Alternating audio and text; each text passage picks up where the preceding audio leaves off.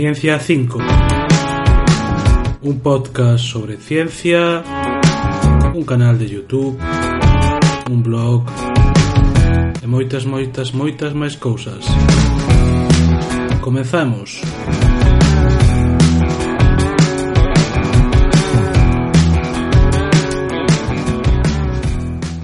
Ola, boas, outra semaninha máis en Ciencia 5.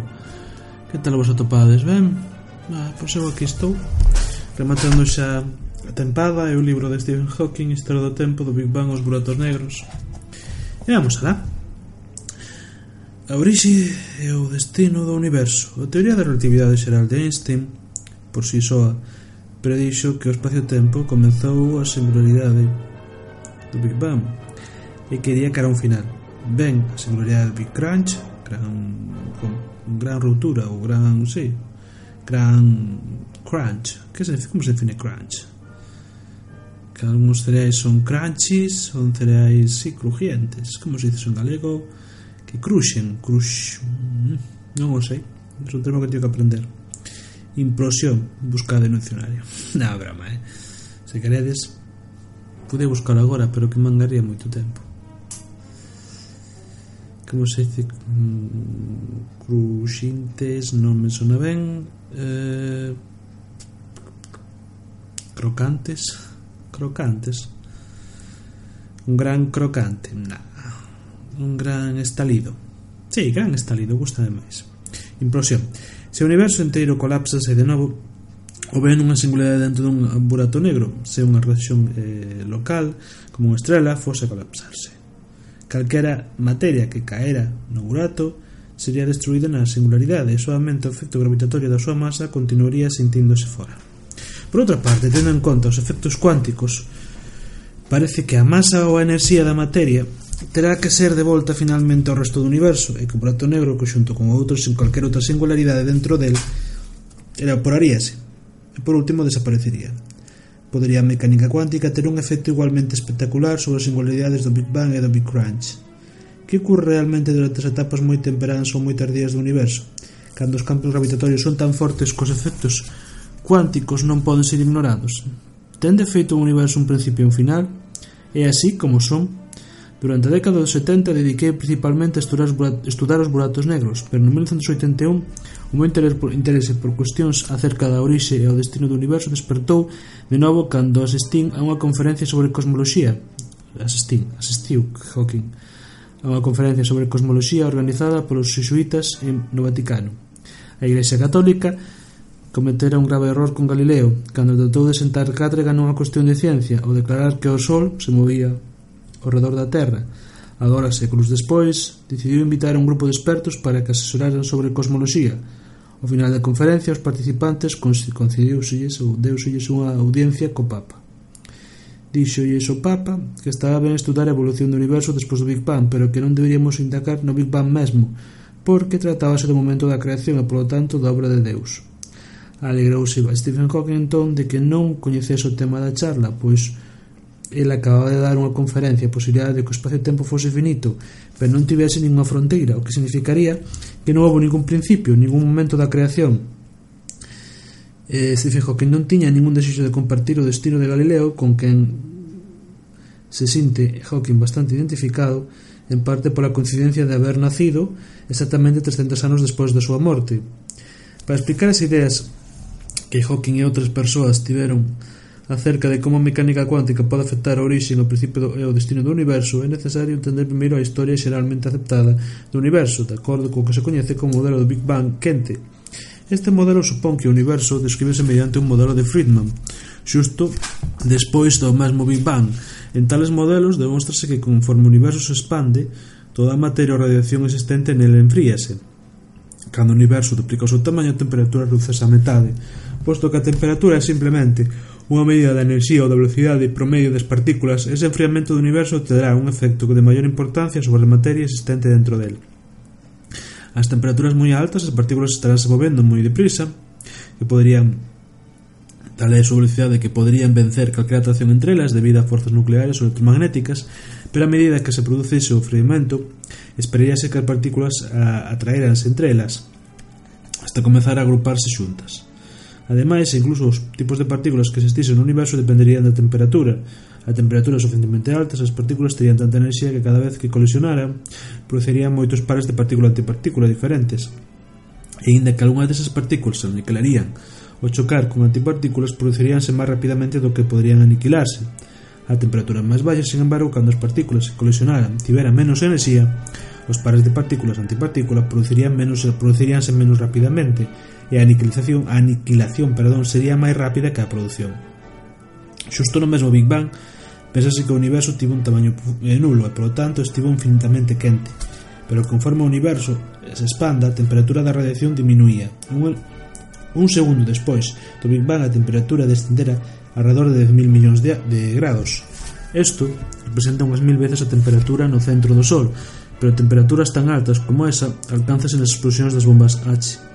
En ese momento o universo eh, tería contidos fundamentalmente fotóns, electróns, neutrinos, partículas extremadamente lixeiras que son afectadas únicamente polas forzas débiles pola gravidade e as súas antepartículas, xunto con algúns protóns e neutróns.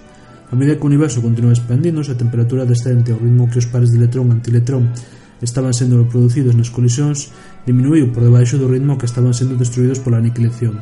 Así, a maior parte dos electróns e antiletróns aniquilaríanse mutuamente para producir máis fotóns, quedando solamente uns poucos electróns. Os neutrinos e os antineutrinos, sin embargo, non se aniquilarían uns a outros, porque estas partículas interaccionan entre elas e con outras partículas moi débilmente. Por lo tanto, todavía, no momento de escritura deste libro, deberían estar por ali. E siguen aínda hoxe.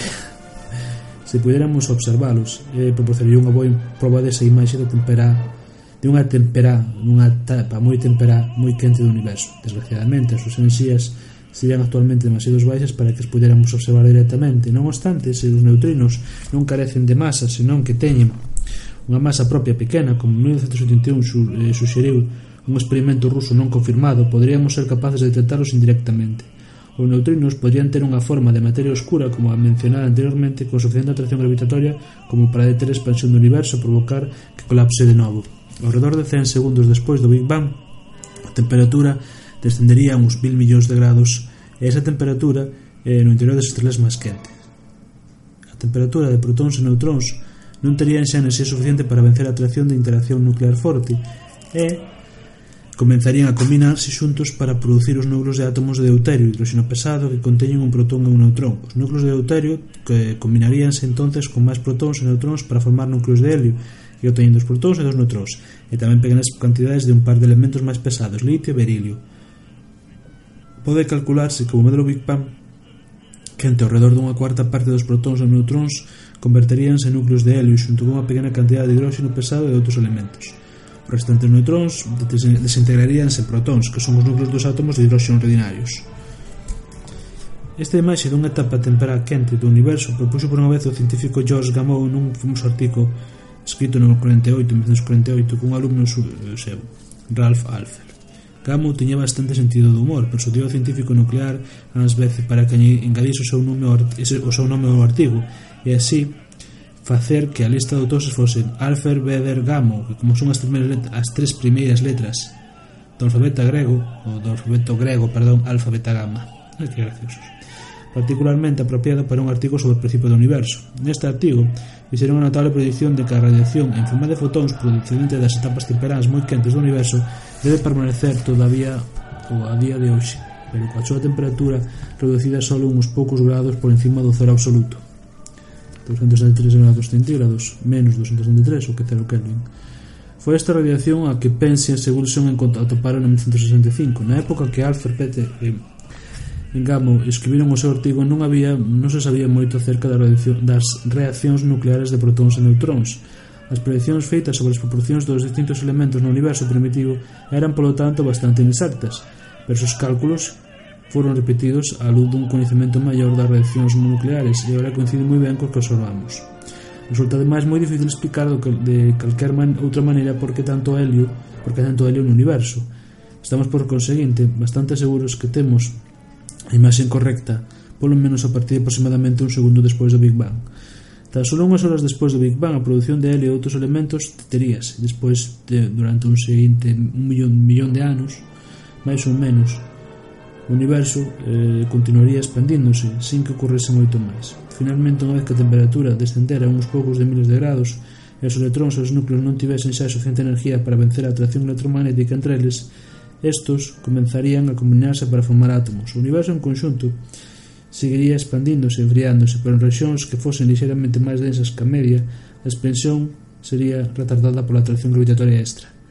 Esta detería finalmente a expansión en algunhas rexións e provocara, provocaría que comenzasen a colapsar de novo. Conforme eh, se estuvesen colapsando, o tirón gravitatorio debido á materia fora destas rexións podría empezar a facelas girar lixeiramente a medida que a rexión colapsante se fixera máis pequena, daría volta sobre si mesma cada vez máis deprisa, exactamente a mesma forma que os patinadores dando voltas sobre o xeo xira máis deprisa canto encollen os brazos. Finalmente, cando a rexión fixera suficientemente pequena, estaría xirando suficientemente deprisa como para comenzar a atracción da gravidade. De este modo, eh, nacerían as galaxias giratorias en forma de disco. Outras rexións, por, porque por algún azar non tiveran adquirido, non, non adquiriran e rotación convertiríase en objetos ovalados chamados galaxias elípticas. Nestas, a rexión deixaría de colapsarse polo que partes individuais da galaxia estarían xirando de forma estable ao redor do seu centro, aínda que a galaxia no seu conxunto non tería rotación. A medida que o tempo transcurrese, o gas de hidróxeno aéreo das galaxias desgraíase en nubes máis pequenas que comenzarían a colapsarse debido á súa propia gravidade. Conforme se contraen, e os átomos dentro dela colisionan, colisionan uns entre outros, a temperatura do gas aumentaría ata finalmente estuvera suficientemente quente como para iniciar reaccións de fusión nuclear. Estas reaccións converterían o hidróxeno en máis helio e o, calor, e o calor desprendido aumentaría a presión, o que impediría as nubes a seguir contraéndose. As nubes permanecerían estables neste estado durante moito tempo como estrelas de tipo noso Sol, queimando hidróxeno para formar helio rendendo enerxía resultante en forma de calor e luz. As estrelas con a masa maior necesitarían estar máis quentes para compensar a súa atracción gravitatoria máis intensa, o que faría que as reaccións de fusión nuclear producirse moito máis, se producisen moito máis deprisa, tanto que consumirían o seu hidróxeno nun tempo tan corto como 100 millóns de anos. Contraríanse entonces lixeramente e ao quentarse máis empezarían a convertirse en helio en elementos máis pesados como carbono e oxígeno. Isto, sen embargo, non liberaría moito máis enerxía de modo que se produciría unha crisis, como se describeu no capítulo sobre buratos negros O que sucedería a continuación non estará completamente claro, pero parece probable que as rexións centrales da estrela colapsarían hasta un estado moi denso, tal como unha estrela de neutróns ou burato negro. As rexións externas da estrela poderían verse, poderían, perdón, a veces ser despedidas nunha tremenda explosión chamada supernova, que superaría o brilo a todas as demais estrelas xuntas da súa galaxia. Algún dos elementos máis pesados producidos ata cara, cara ao final da vida da estrela serían a, a, a, a, a lanzados De novo, o gas da, no, da galaxia proporcionarían parte da materia prima para a próxima xeración de estrelas. O noso propio Sol contén, contén alrededor dun 2% dos seus elementos máis pesados, xa que é unha estrela de segunda ou terceira xeración, formada fai uns 5.000 millóns de anos a partir dunha nube xiratoria de gas que contiña os restos de supernovas anteriores. A maior parte do gas desa nube o ben serviu para formar o Sol o ben foi a, a, a lanzada fora, pero unha pequena cantidade dos elementos máis pesados acumuláronse xuntos para formar os corpos que ora xiran alrededor do Sol como planetas igual que a Terra. A Terra estaba inicialmente moi quente sen atmósfera. Co transcurso do tempo enfriouse e adquiriu unha atmósfera mediante a emisión de gases das, das rocas, das rochas. Nesa atmósfera primitiva non habería mm, non sería posible vivir. Non contía nada de, de oxígeno, perdón, e senón unha serie de outros gases que son venenosos para nosotros, como o sulfuro de hidróxeno, gas que dá os ovos podres e o tan característico, hai, sen embargo, outras formas de vida primitivas que se podrían prosperar en tales condicións. Pénsase que nestas desarrollaron os océanos, principalmente como resultado da combinación azar de átomos en grandes estructuras, chamadas macromoléculas, as cales eran capaces de reunir outros átomos do, do océano para formar estruturas similares. Entón, estas super, serían eh, reproduciríanse, multiplicaríanse. En algúns casos, poderían producirse erros na produción, na reproducción. A maioría deses erros serían tales que a nova macromolécula non podría reproducirse por si sí mesma e co tempo sería destruída.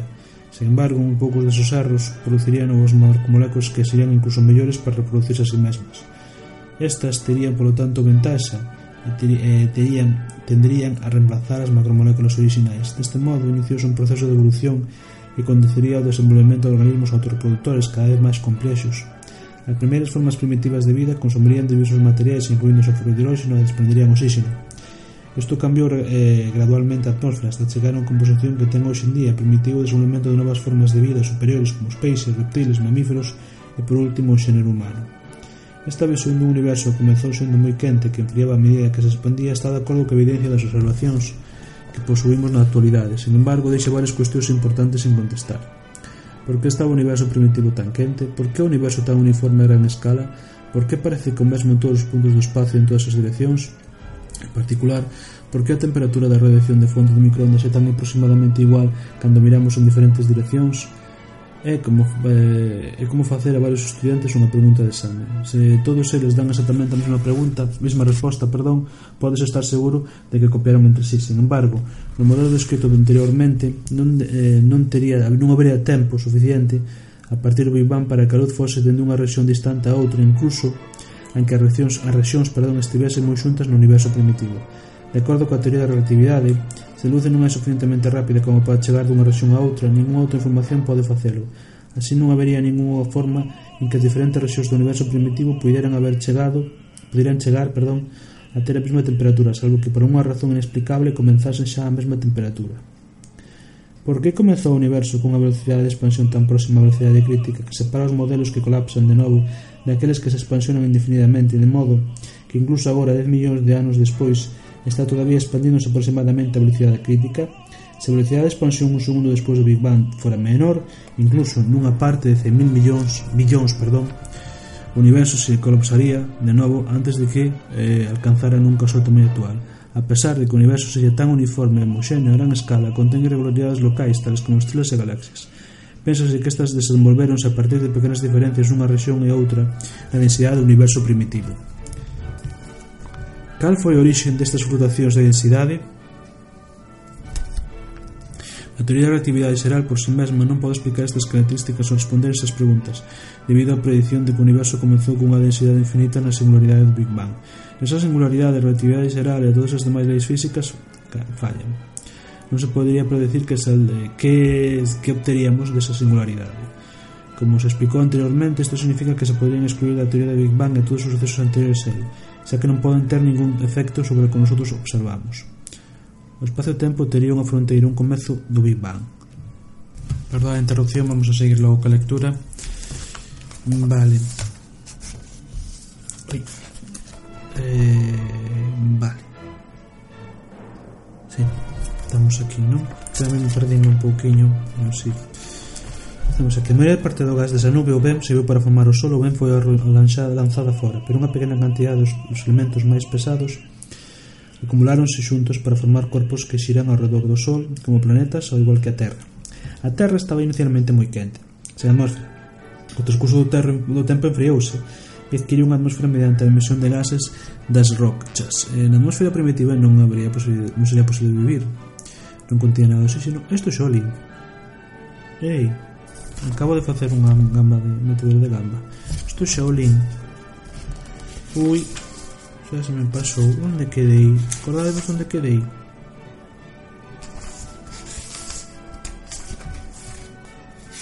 Isto xa o.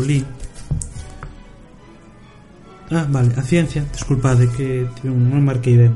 A ciencia parece, se, parece haber descoberto un conxunto de leis, desculpademe. Eh? eh, que dentro dos límites establecidos polo principio de incertidumbre non dícenos como evolucionaría o universo no tempo se coñecemos o seu estado nun momento calquera. Estas leis poden facer que pode, parecen ser dictadas originalmente por Deus, pero parece ser que el deixou evolucionar o universo dende entón de acordo con elas, eh, que ese non intervin. Pero como elixiu Deus o estado de configuración inicial do universo? Cales foron as condicións de contorno do principio do universo? Unha posible resposta consiste en dicir que Deus elixiu a configuración inicial do universo por razóns que nosotros non podemos esperar comprender. Isto estaría certamente dentro das posibilidades de ser un ser unipresente, que xo iniciara dunha forma incomprensible porque elixiu deixalo de evolucionar de acordo con leis que nosotros poderíamos entender. Toda a historia da ciencia consiste nunha comprensión gradual de que os feitos non ocorren dunha forma arbitraria, senón que reflexan un certo orden subxacente, o cal pode estar ou non divinamente inspirado. Sería bastante fácil, bastante natural supoñer que este orde esta orde, perdón, debería aplicarse non só as leis, senón tamén as condicións de fronteira do espacio-tempo, que especificarían o estado inicial do universo. Pode haber un gran número de modelos do universo con diferentes condicións iniciais, todas os cales obedecen ás leis. Debería haber un principio que escoller o estado inicial e, polo tanto, un modelo para representar o noso universo. Unha posibilidade que se coñece como condicións de contorno caóticas, estas supoñen implicitamente ou ben que o universo é especialmente infinito ou ben que hai infinitos universos. Baixo condicións de contorno caóticas, a probabilidade de atoparse nunha rexión particular calquera do espacio, nunha configuración calquera dada, xusto despois do Big Bang, é a mesma en certo sentido que a probabilidade de atoparse en calquera outra configuración. O estado inicial do universo elíxese puramente ao azar. Isto significaría que o universo primitivo fora inicialmente moi caótico e irregular, debido a que hai moitas máis configuracións do universo caóticas e desordenadas que uniformes ordenadas, e cada configuración é igualmente probable é verosímil, certo que o universo con, con, non é posiblemente certo que o universo comezase en estado crítico ou desordenado simplemente porque abundan moito máis os estados. É difícil entender como tales condicións caóticas iniciais poderían dar lugar ao universo que tan uniforme e regular a gran escala como é actualmente o noso. Esperaríase tamén que as fluctuacións de densidade nun modelo deste tipo conduciran á forma, a formación de moitos máis buratos negros primitivos co límite superior que foi establecido mediante as observacións da radiación de fondos de rayos gamma. Se o universo fose verdadeiramente infinito especialmente e fose infinitos universos, probablemente algunha das partes, algunha das rexións que comenzaran de unha maneira suave e uniforme. É algo parecido ao ben coñecido exemplo da horda da, bueno, da, do grupo de monos eh, golpeando sobre máquinas de escribir, escribindo, máquinas de, bueno, sí, escribindo non, golpeando, non, tecleando sobre máquinas de escribir. A maior parte do que escriben será desperdicio, pero moi ocasionalmente, por puro azar, imprimirán un dos sonetos de Shakespeare. De forma análoga, no caso do universo, podría ocurrir que nosotros estivéssemos vivindo unha rexión simplemente por casualidade suave e uniforme. A primeira vista, esta podría ser moi improbable, porque tales rexións suaves serían superadas en gran número polas rexións caóticas e regulares. Sen embargo, supoñamos que só nas rexións lisas formáranse galaxias e estrelas e houbera condicións apropiadas para o desenvolvemento de complicados organismos autorreproductores como nosos mesmos que fosen capaces de facerse a pregunta por que o universo tan liso? E iso constitúe un exemplo de aplicación de que se coñece como principio antrópico, que pode parafrasearse de forma vemos o universo na forma que porque nosotros existimos. Hai dúas versións do principio antrópico, a débil e a forte. O principio antrópico débil di que un universo que é grande ou infinito o espacio e ao tempo as condicións necesarias para o desenvolvemento dunha vida intelixente daránse solamente en certas regións que están limitadas no tempo e no espacio, Os seres intelixentes desas rexións non deben, polo tanto, sorprenderse se observan que na súa localización do universo satisfai as condicións necesarias para a súa existencia. É algo parecido a unha persoa rica que vive un entorno acaudalado sen ver ninguna pobreza. Un exemplo do uso do principio antrópico débil consiste en explicar por que o Big Bang ocorreu fai uns 10.000 millóns de anos. Necesítase aproximadamente ese tempo para que se desenvolvan seres intelixentes. Como se explicou anteriormente para chegar a onde estamos tivo que formarse primeiro unha xeración preva de estrelas. Esas estrelas convertíronse unha parte de hidróxeno e de helio orixinais nos elementos como carbono e, hidróxeno, e oxígeno, perdón a parte dos cales estamos feitos nosotros. As estrelas explotaron logo como supernovas e aos seus rastros, os seus, os, os seus refugallos, formaron outras estrelas e planetas, entre eles o do noso sistema solar que tivo alrededor de 5.000 millóns de anos. Meros mil ou dos mil millóns de anos de existencia da Terra foron demasiado quentes para o desenvolvemento de calquera estrutura complicada. Os aproximadamente 3.000 millóns de anos restantes estiveron dedicadas ao lento proceso de evolución biolóxica que conduciu dende os organismos máis simples aos seres que son capaces de medir o tempo transcorrido desde o Big Bang. Pouca xente protestaría da validez ou utilidade do principio antrópico débil, algúns, sin embargo, van moito máis alá e propoñen unha versión forte do principio. De acordo con esta nova teoría, hai moitos universos diferentes ou moitas rexións diferentes dun único universo, cada un coa súa propia configuración inicial e, cada, e tal vez co seu propio conxunto de leis da ciencia.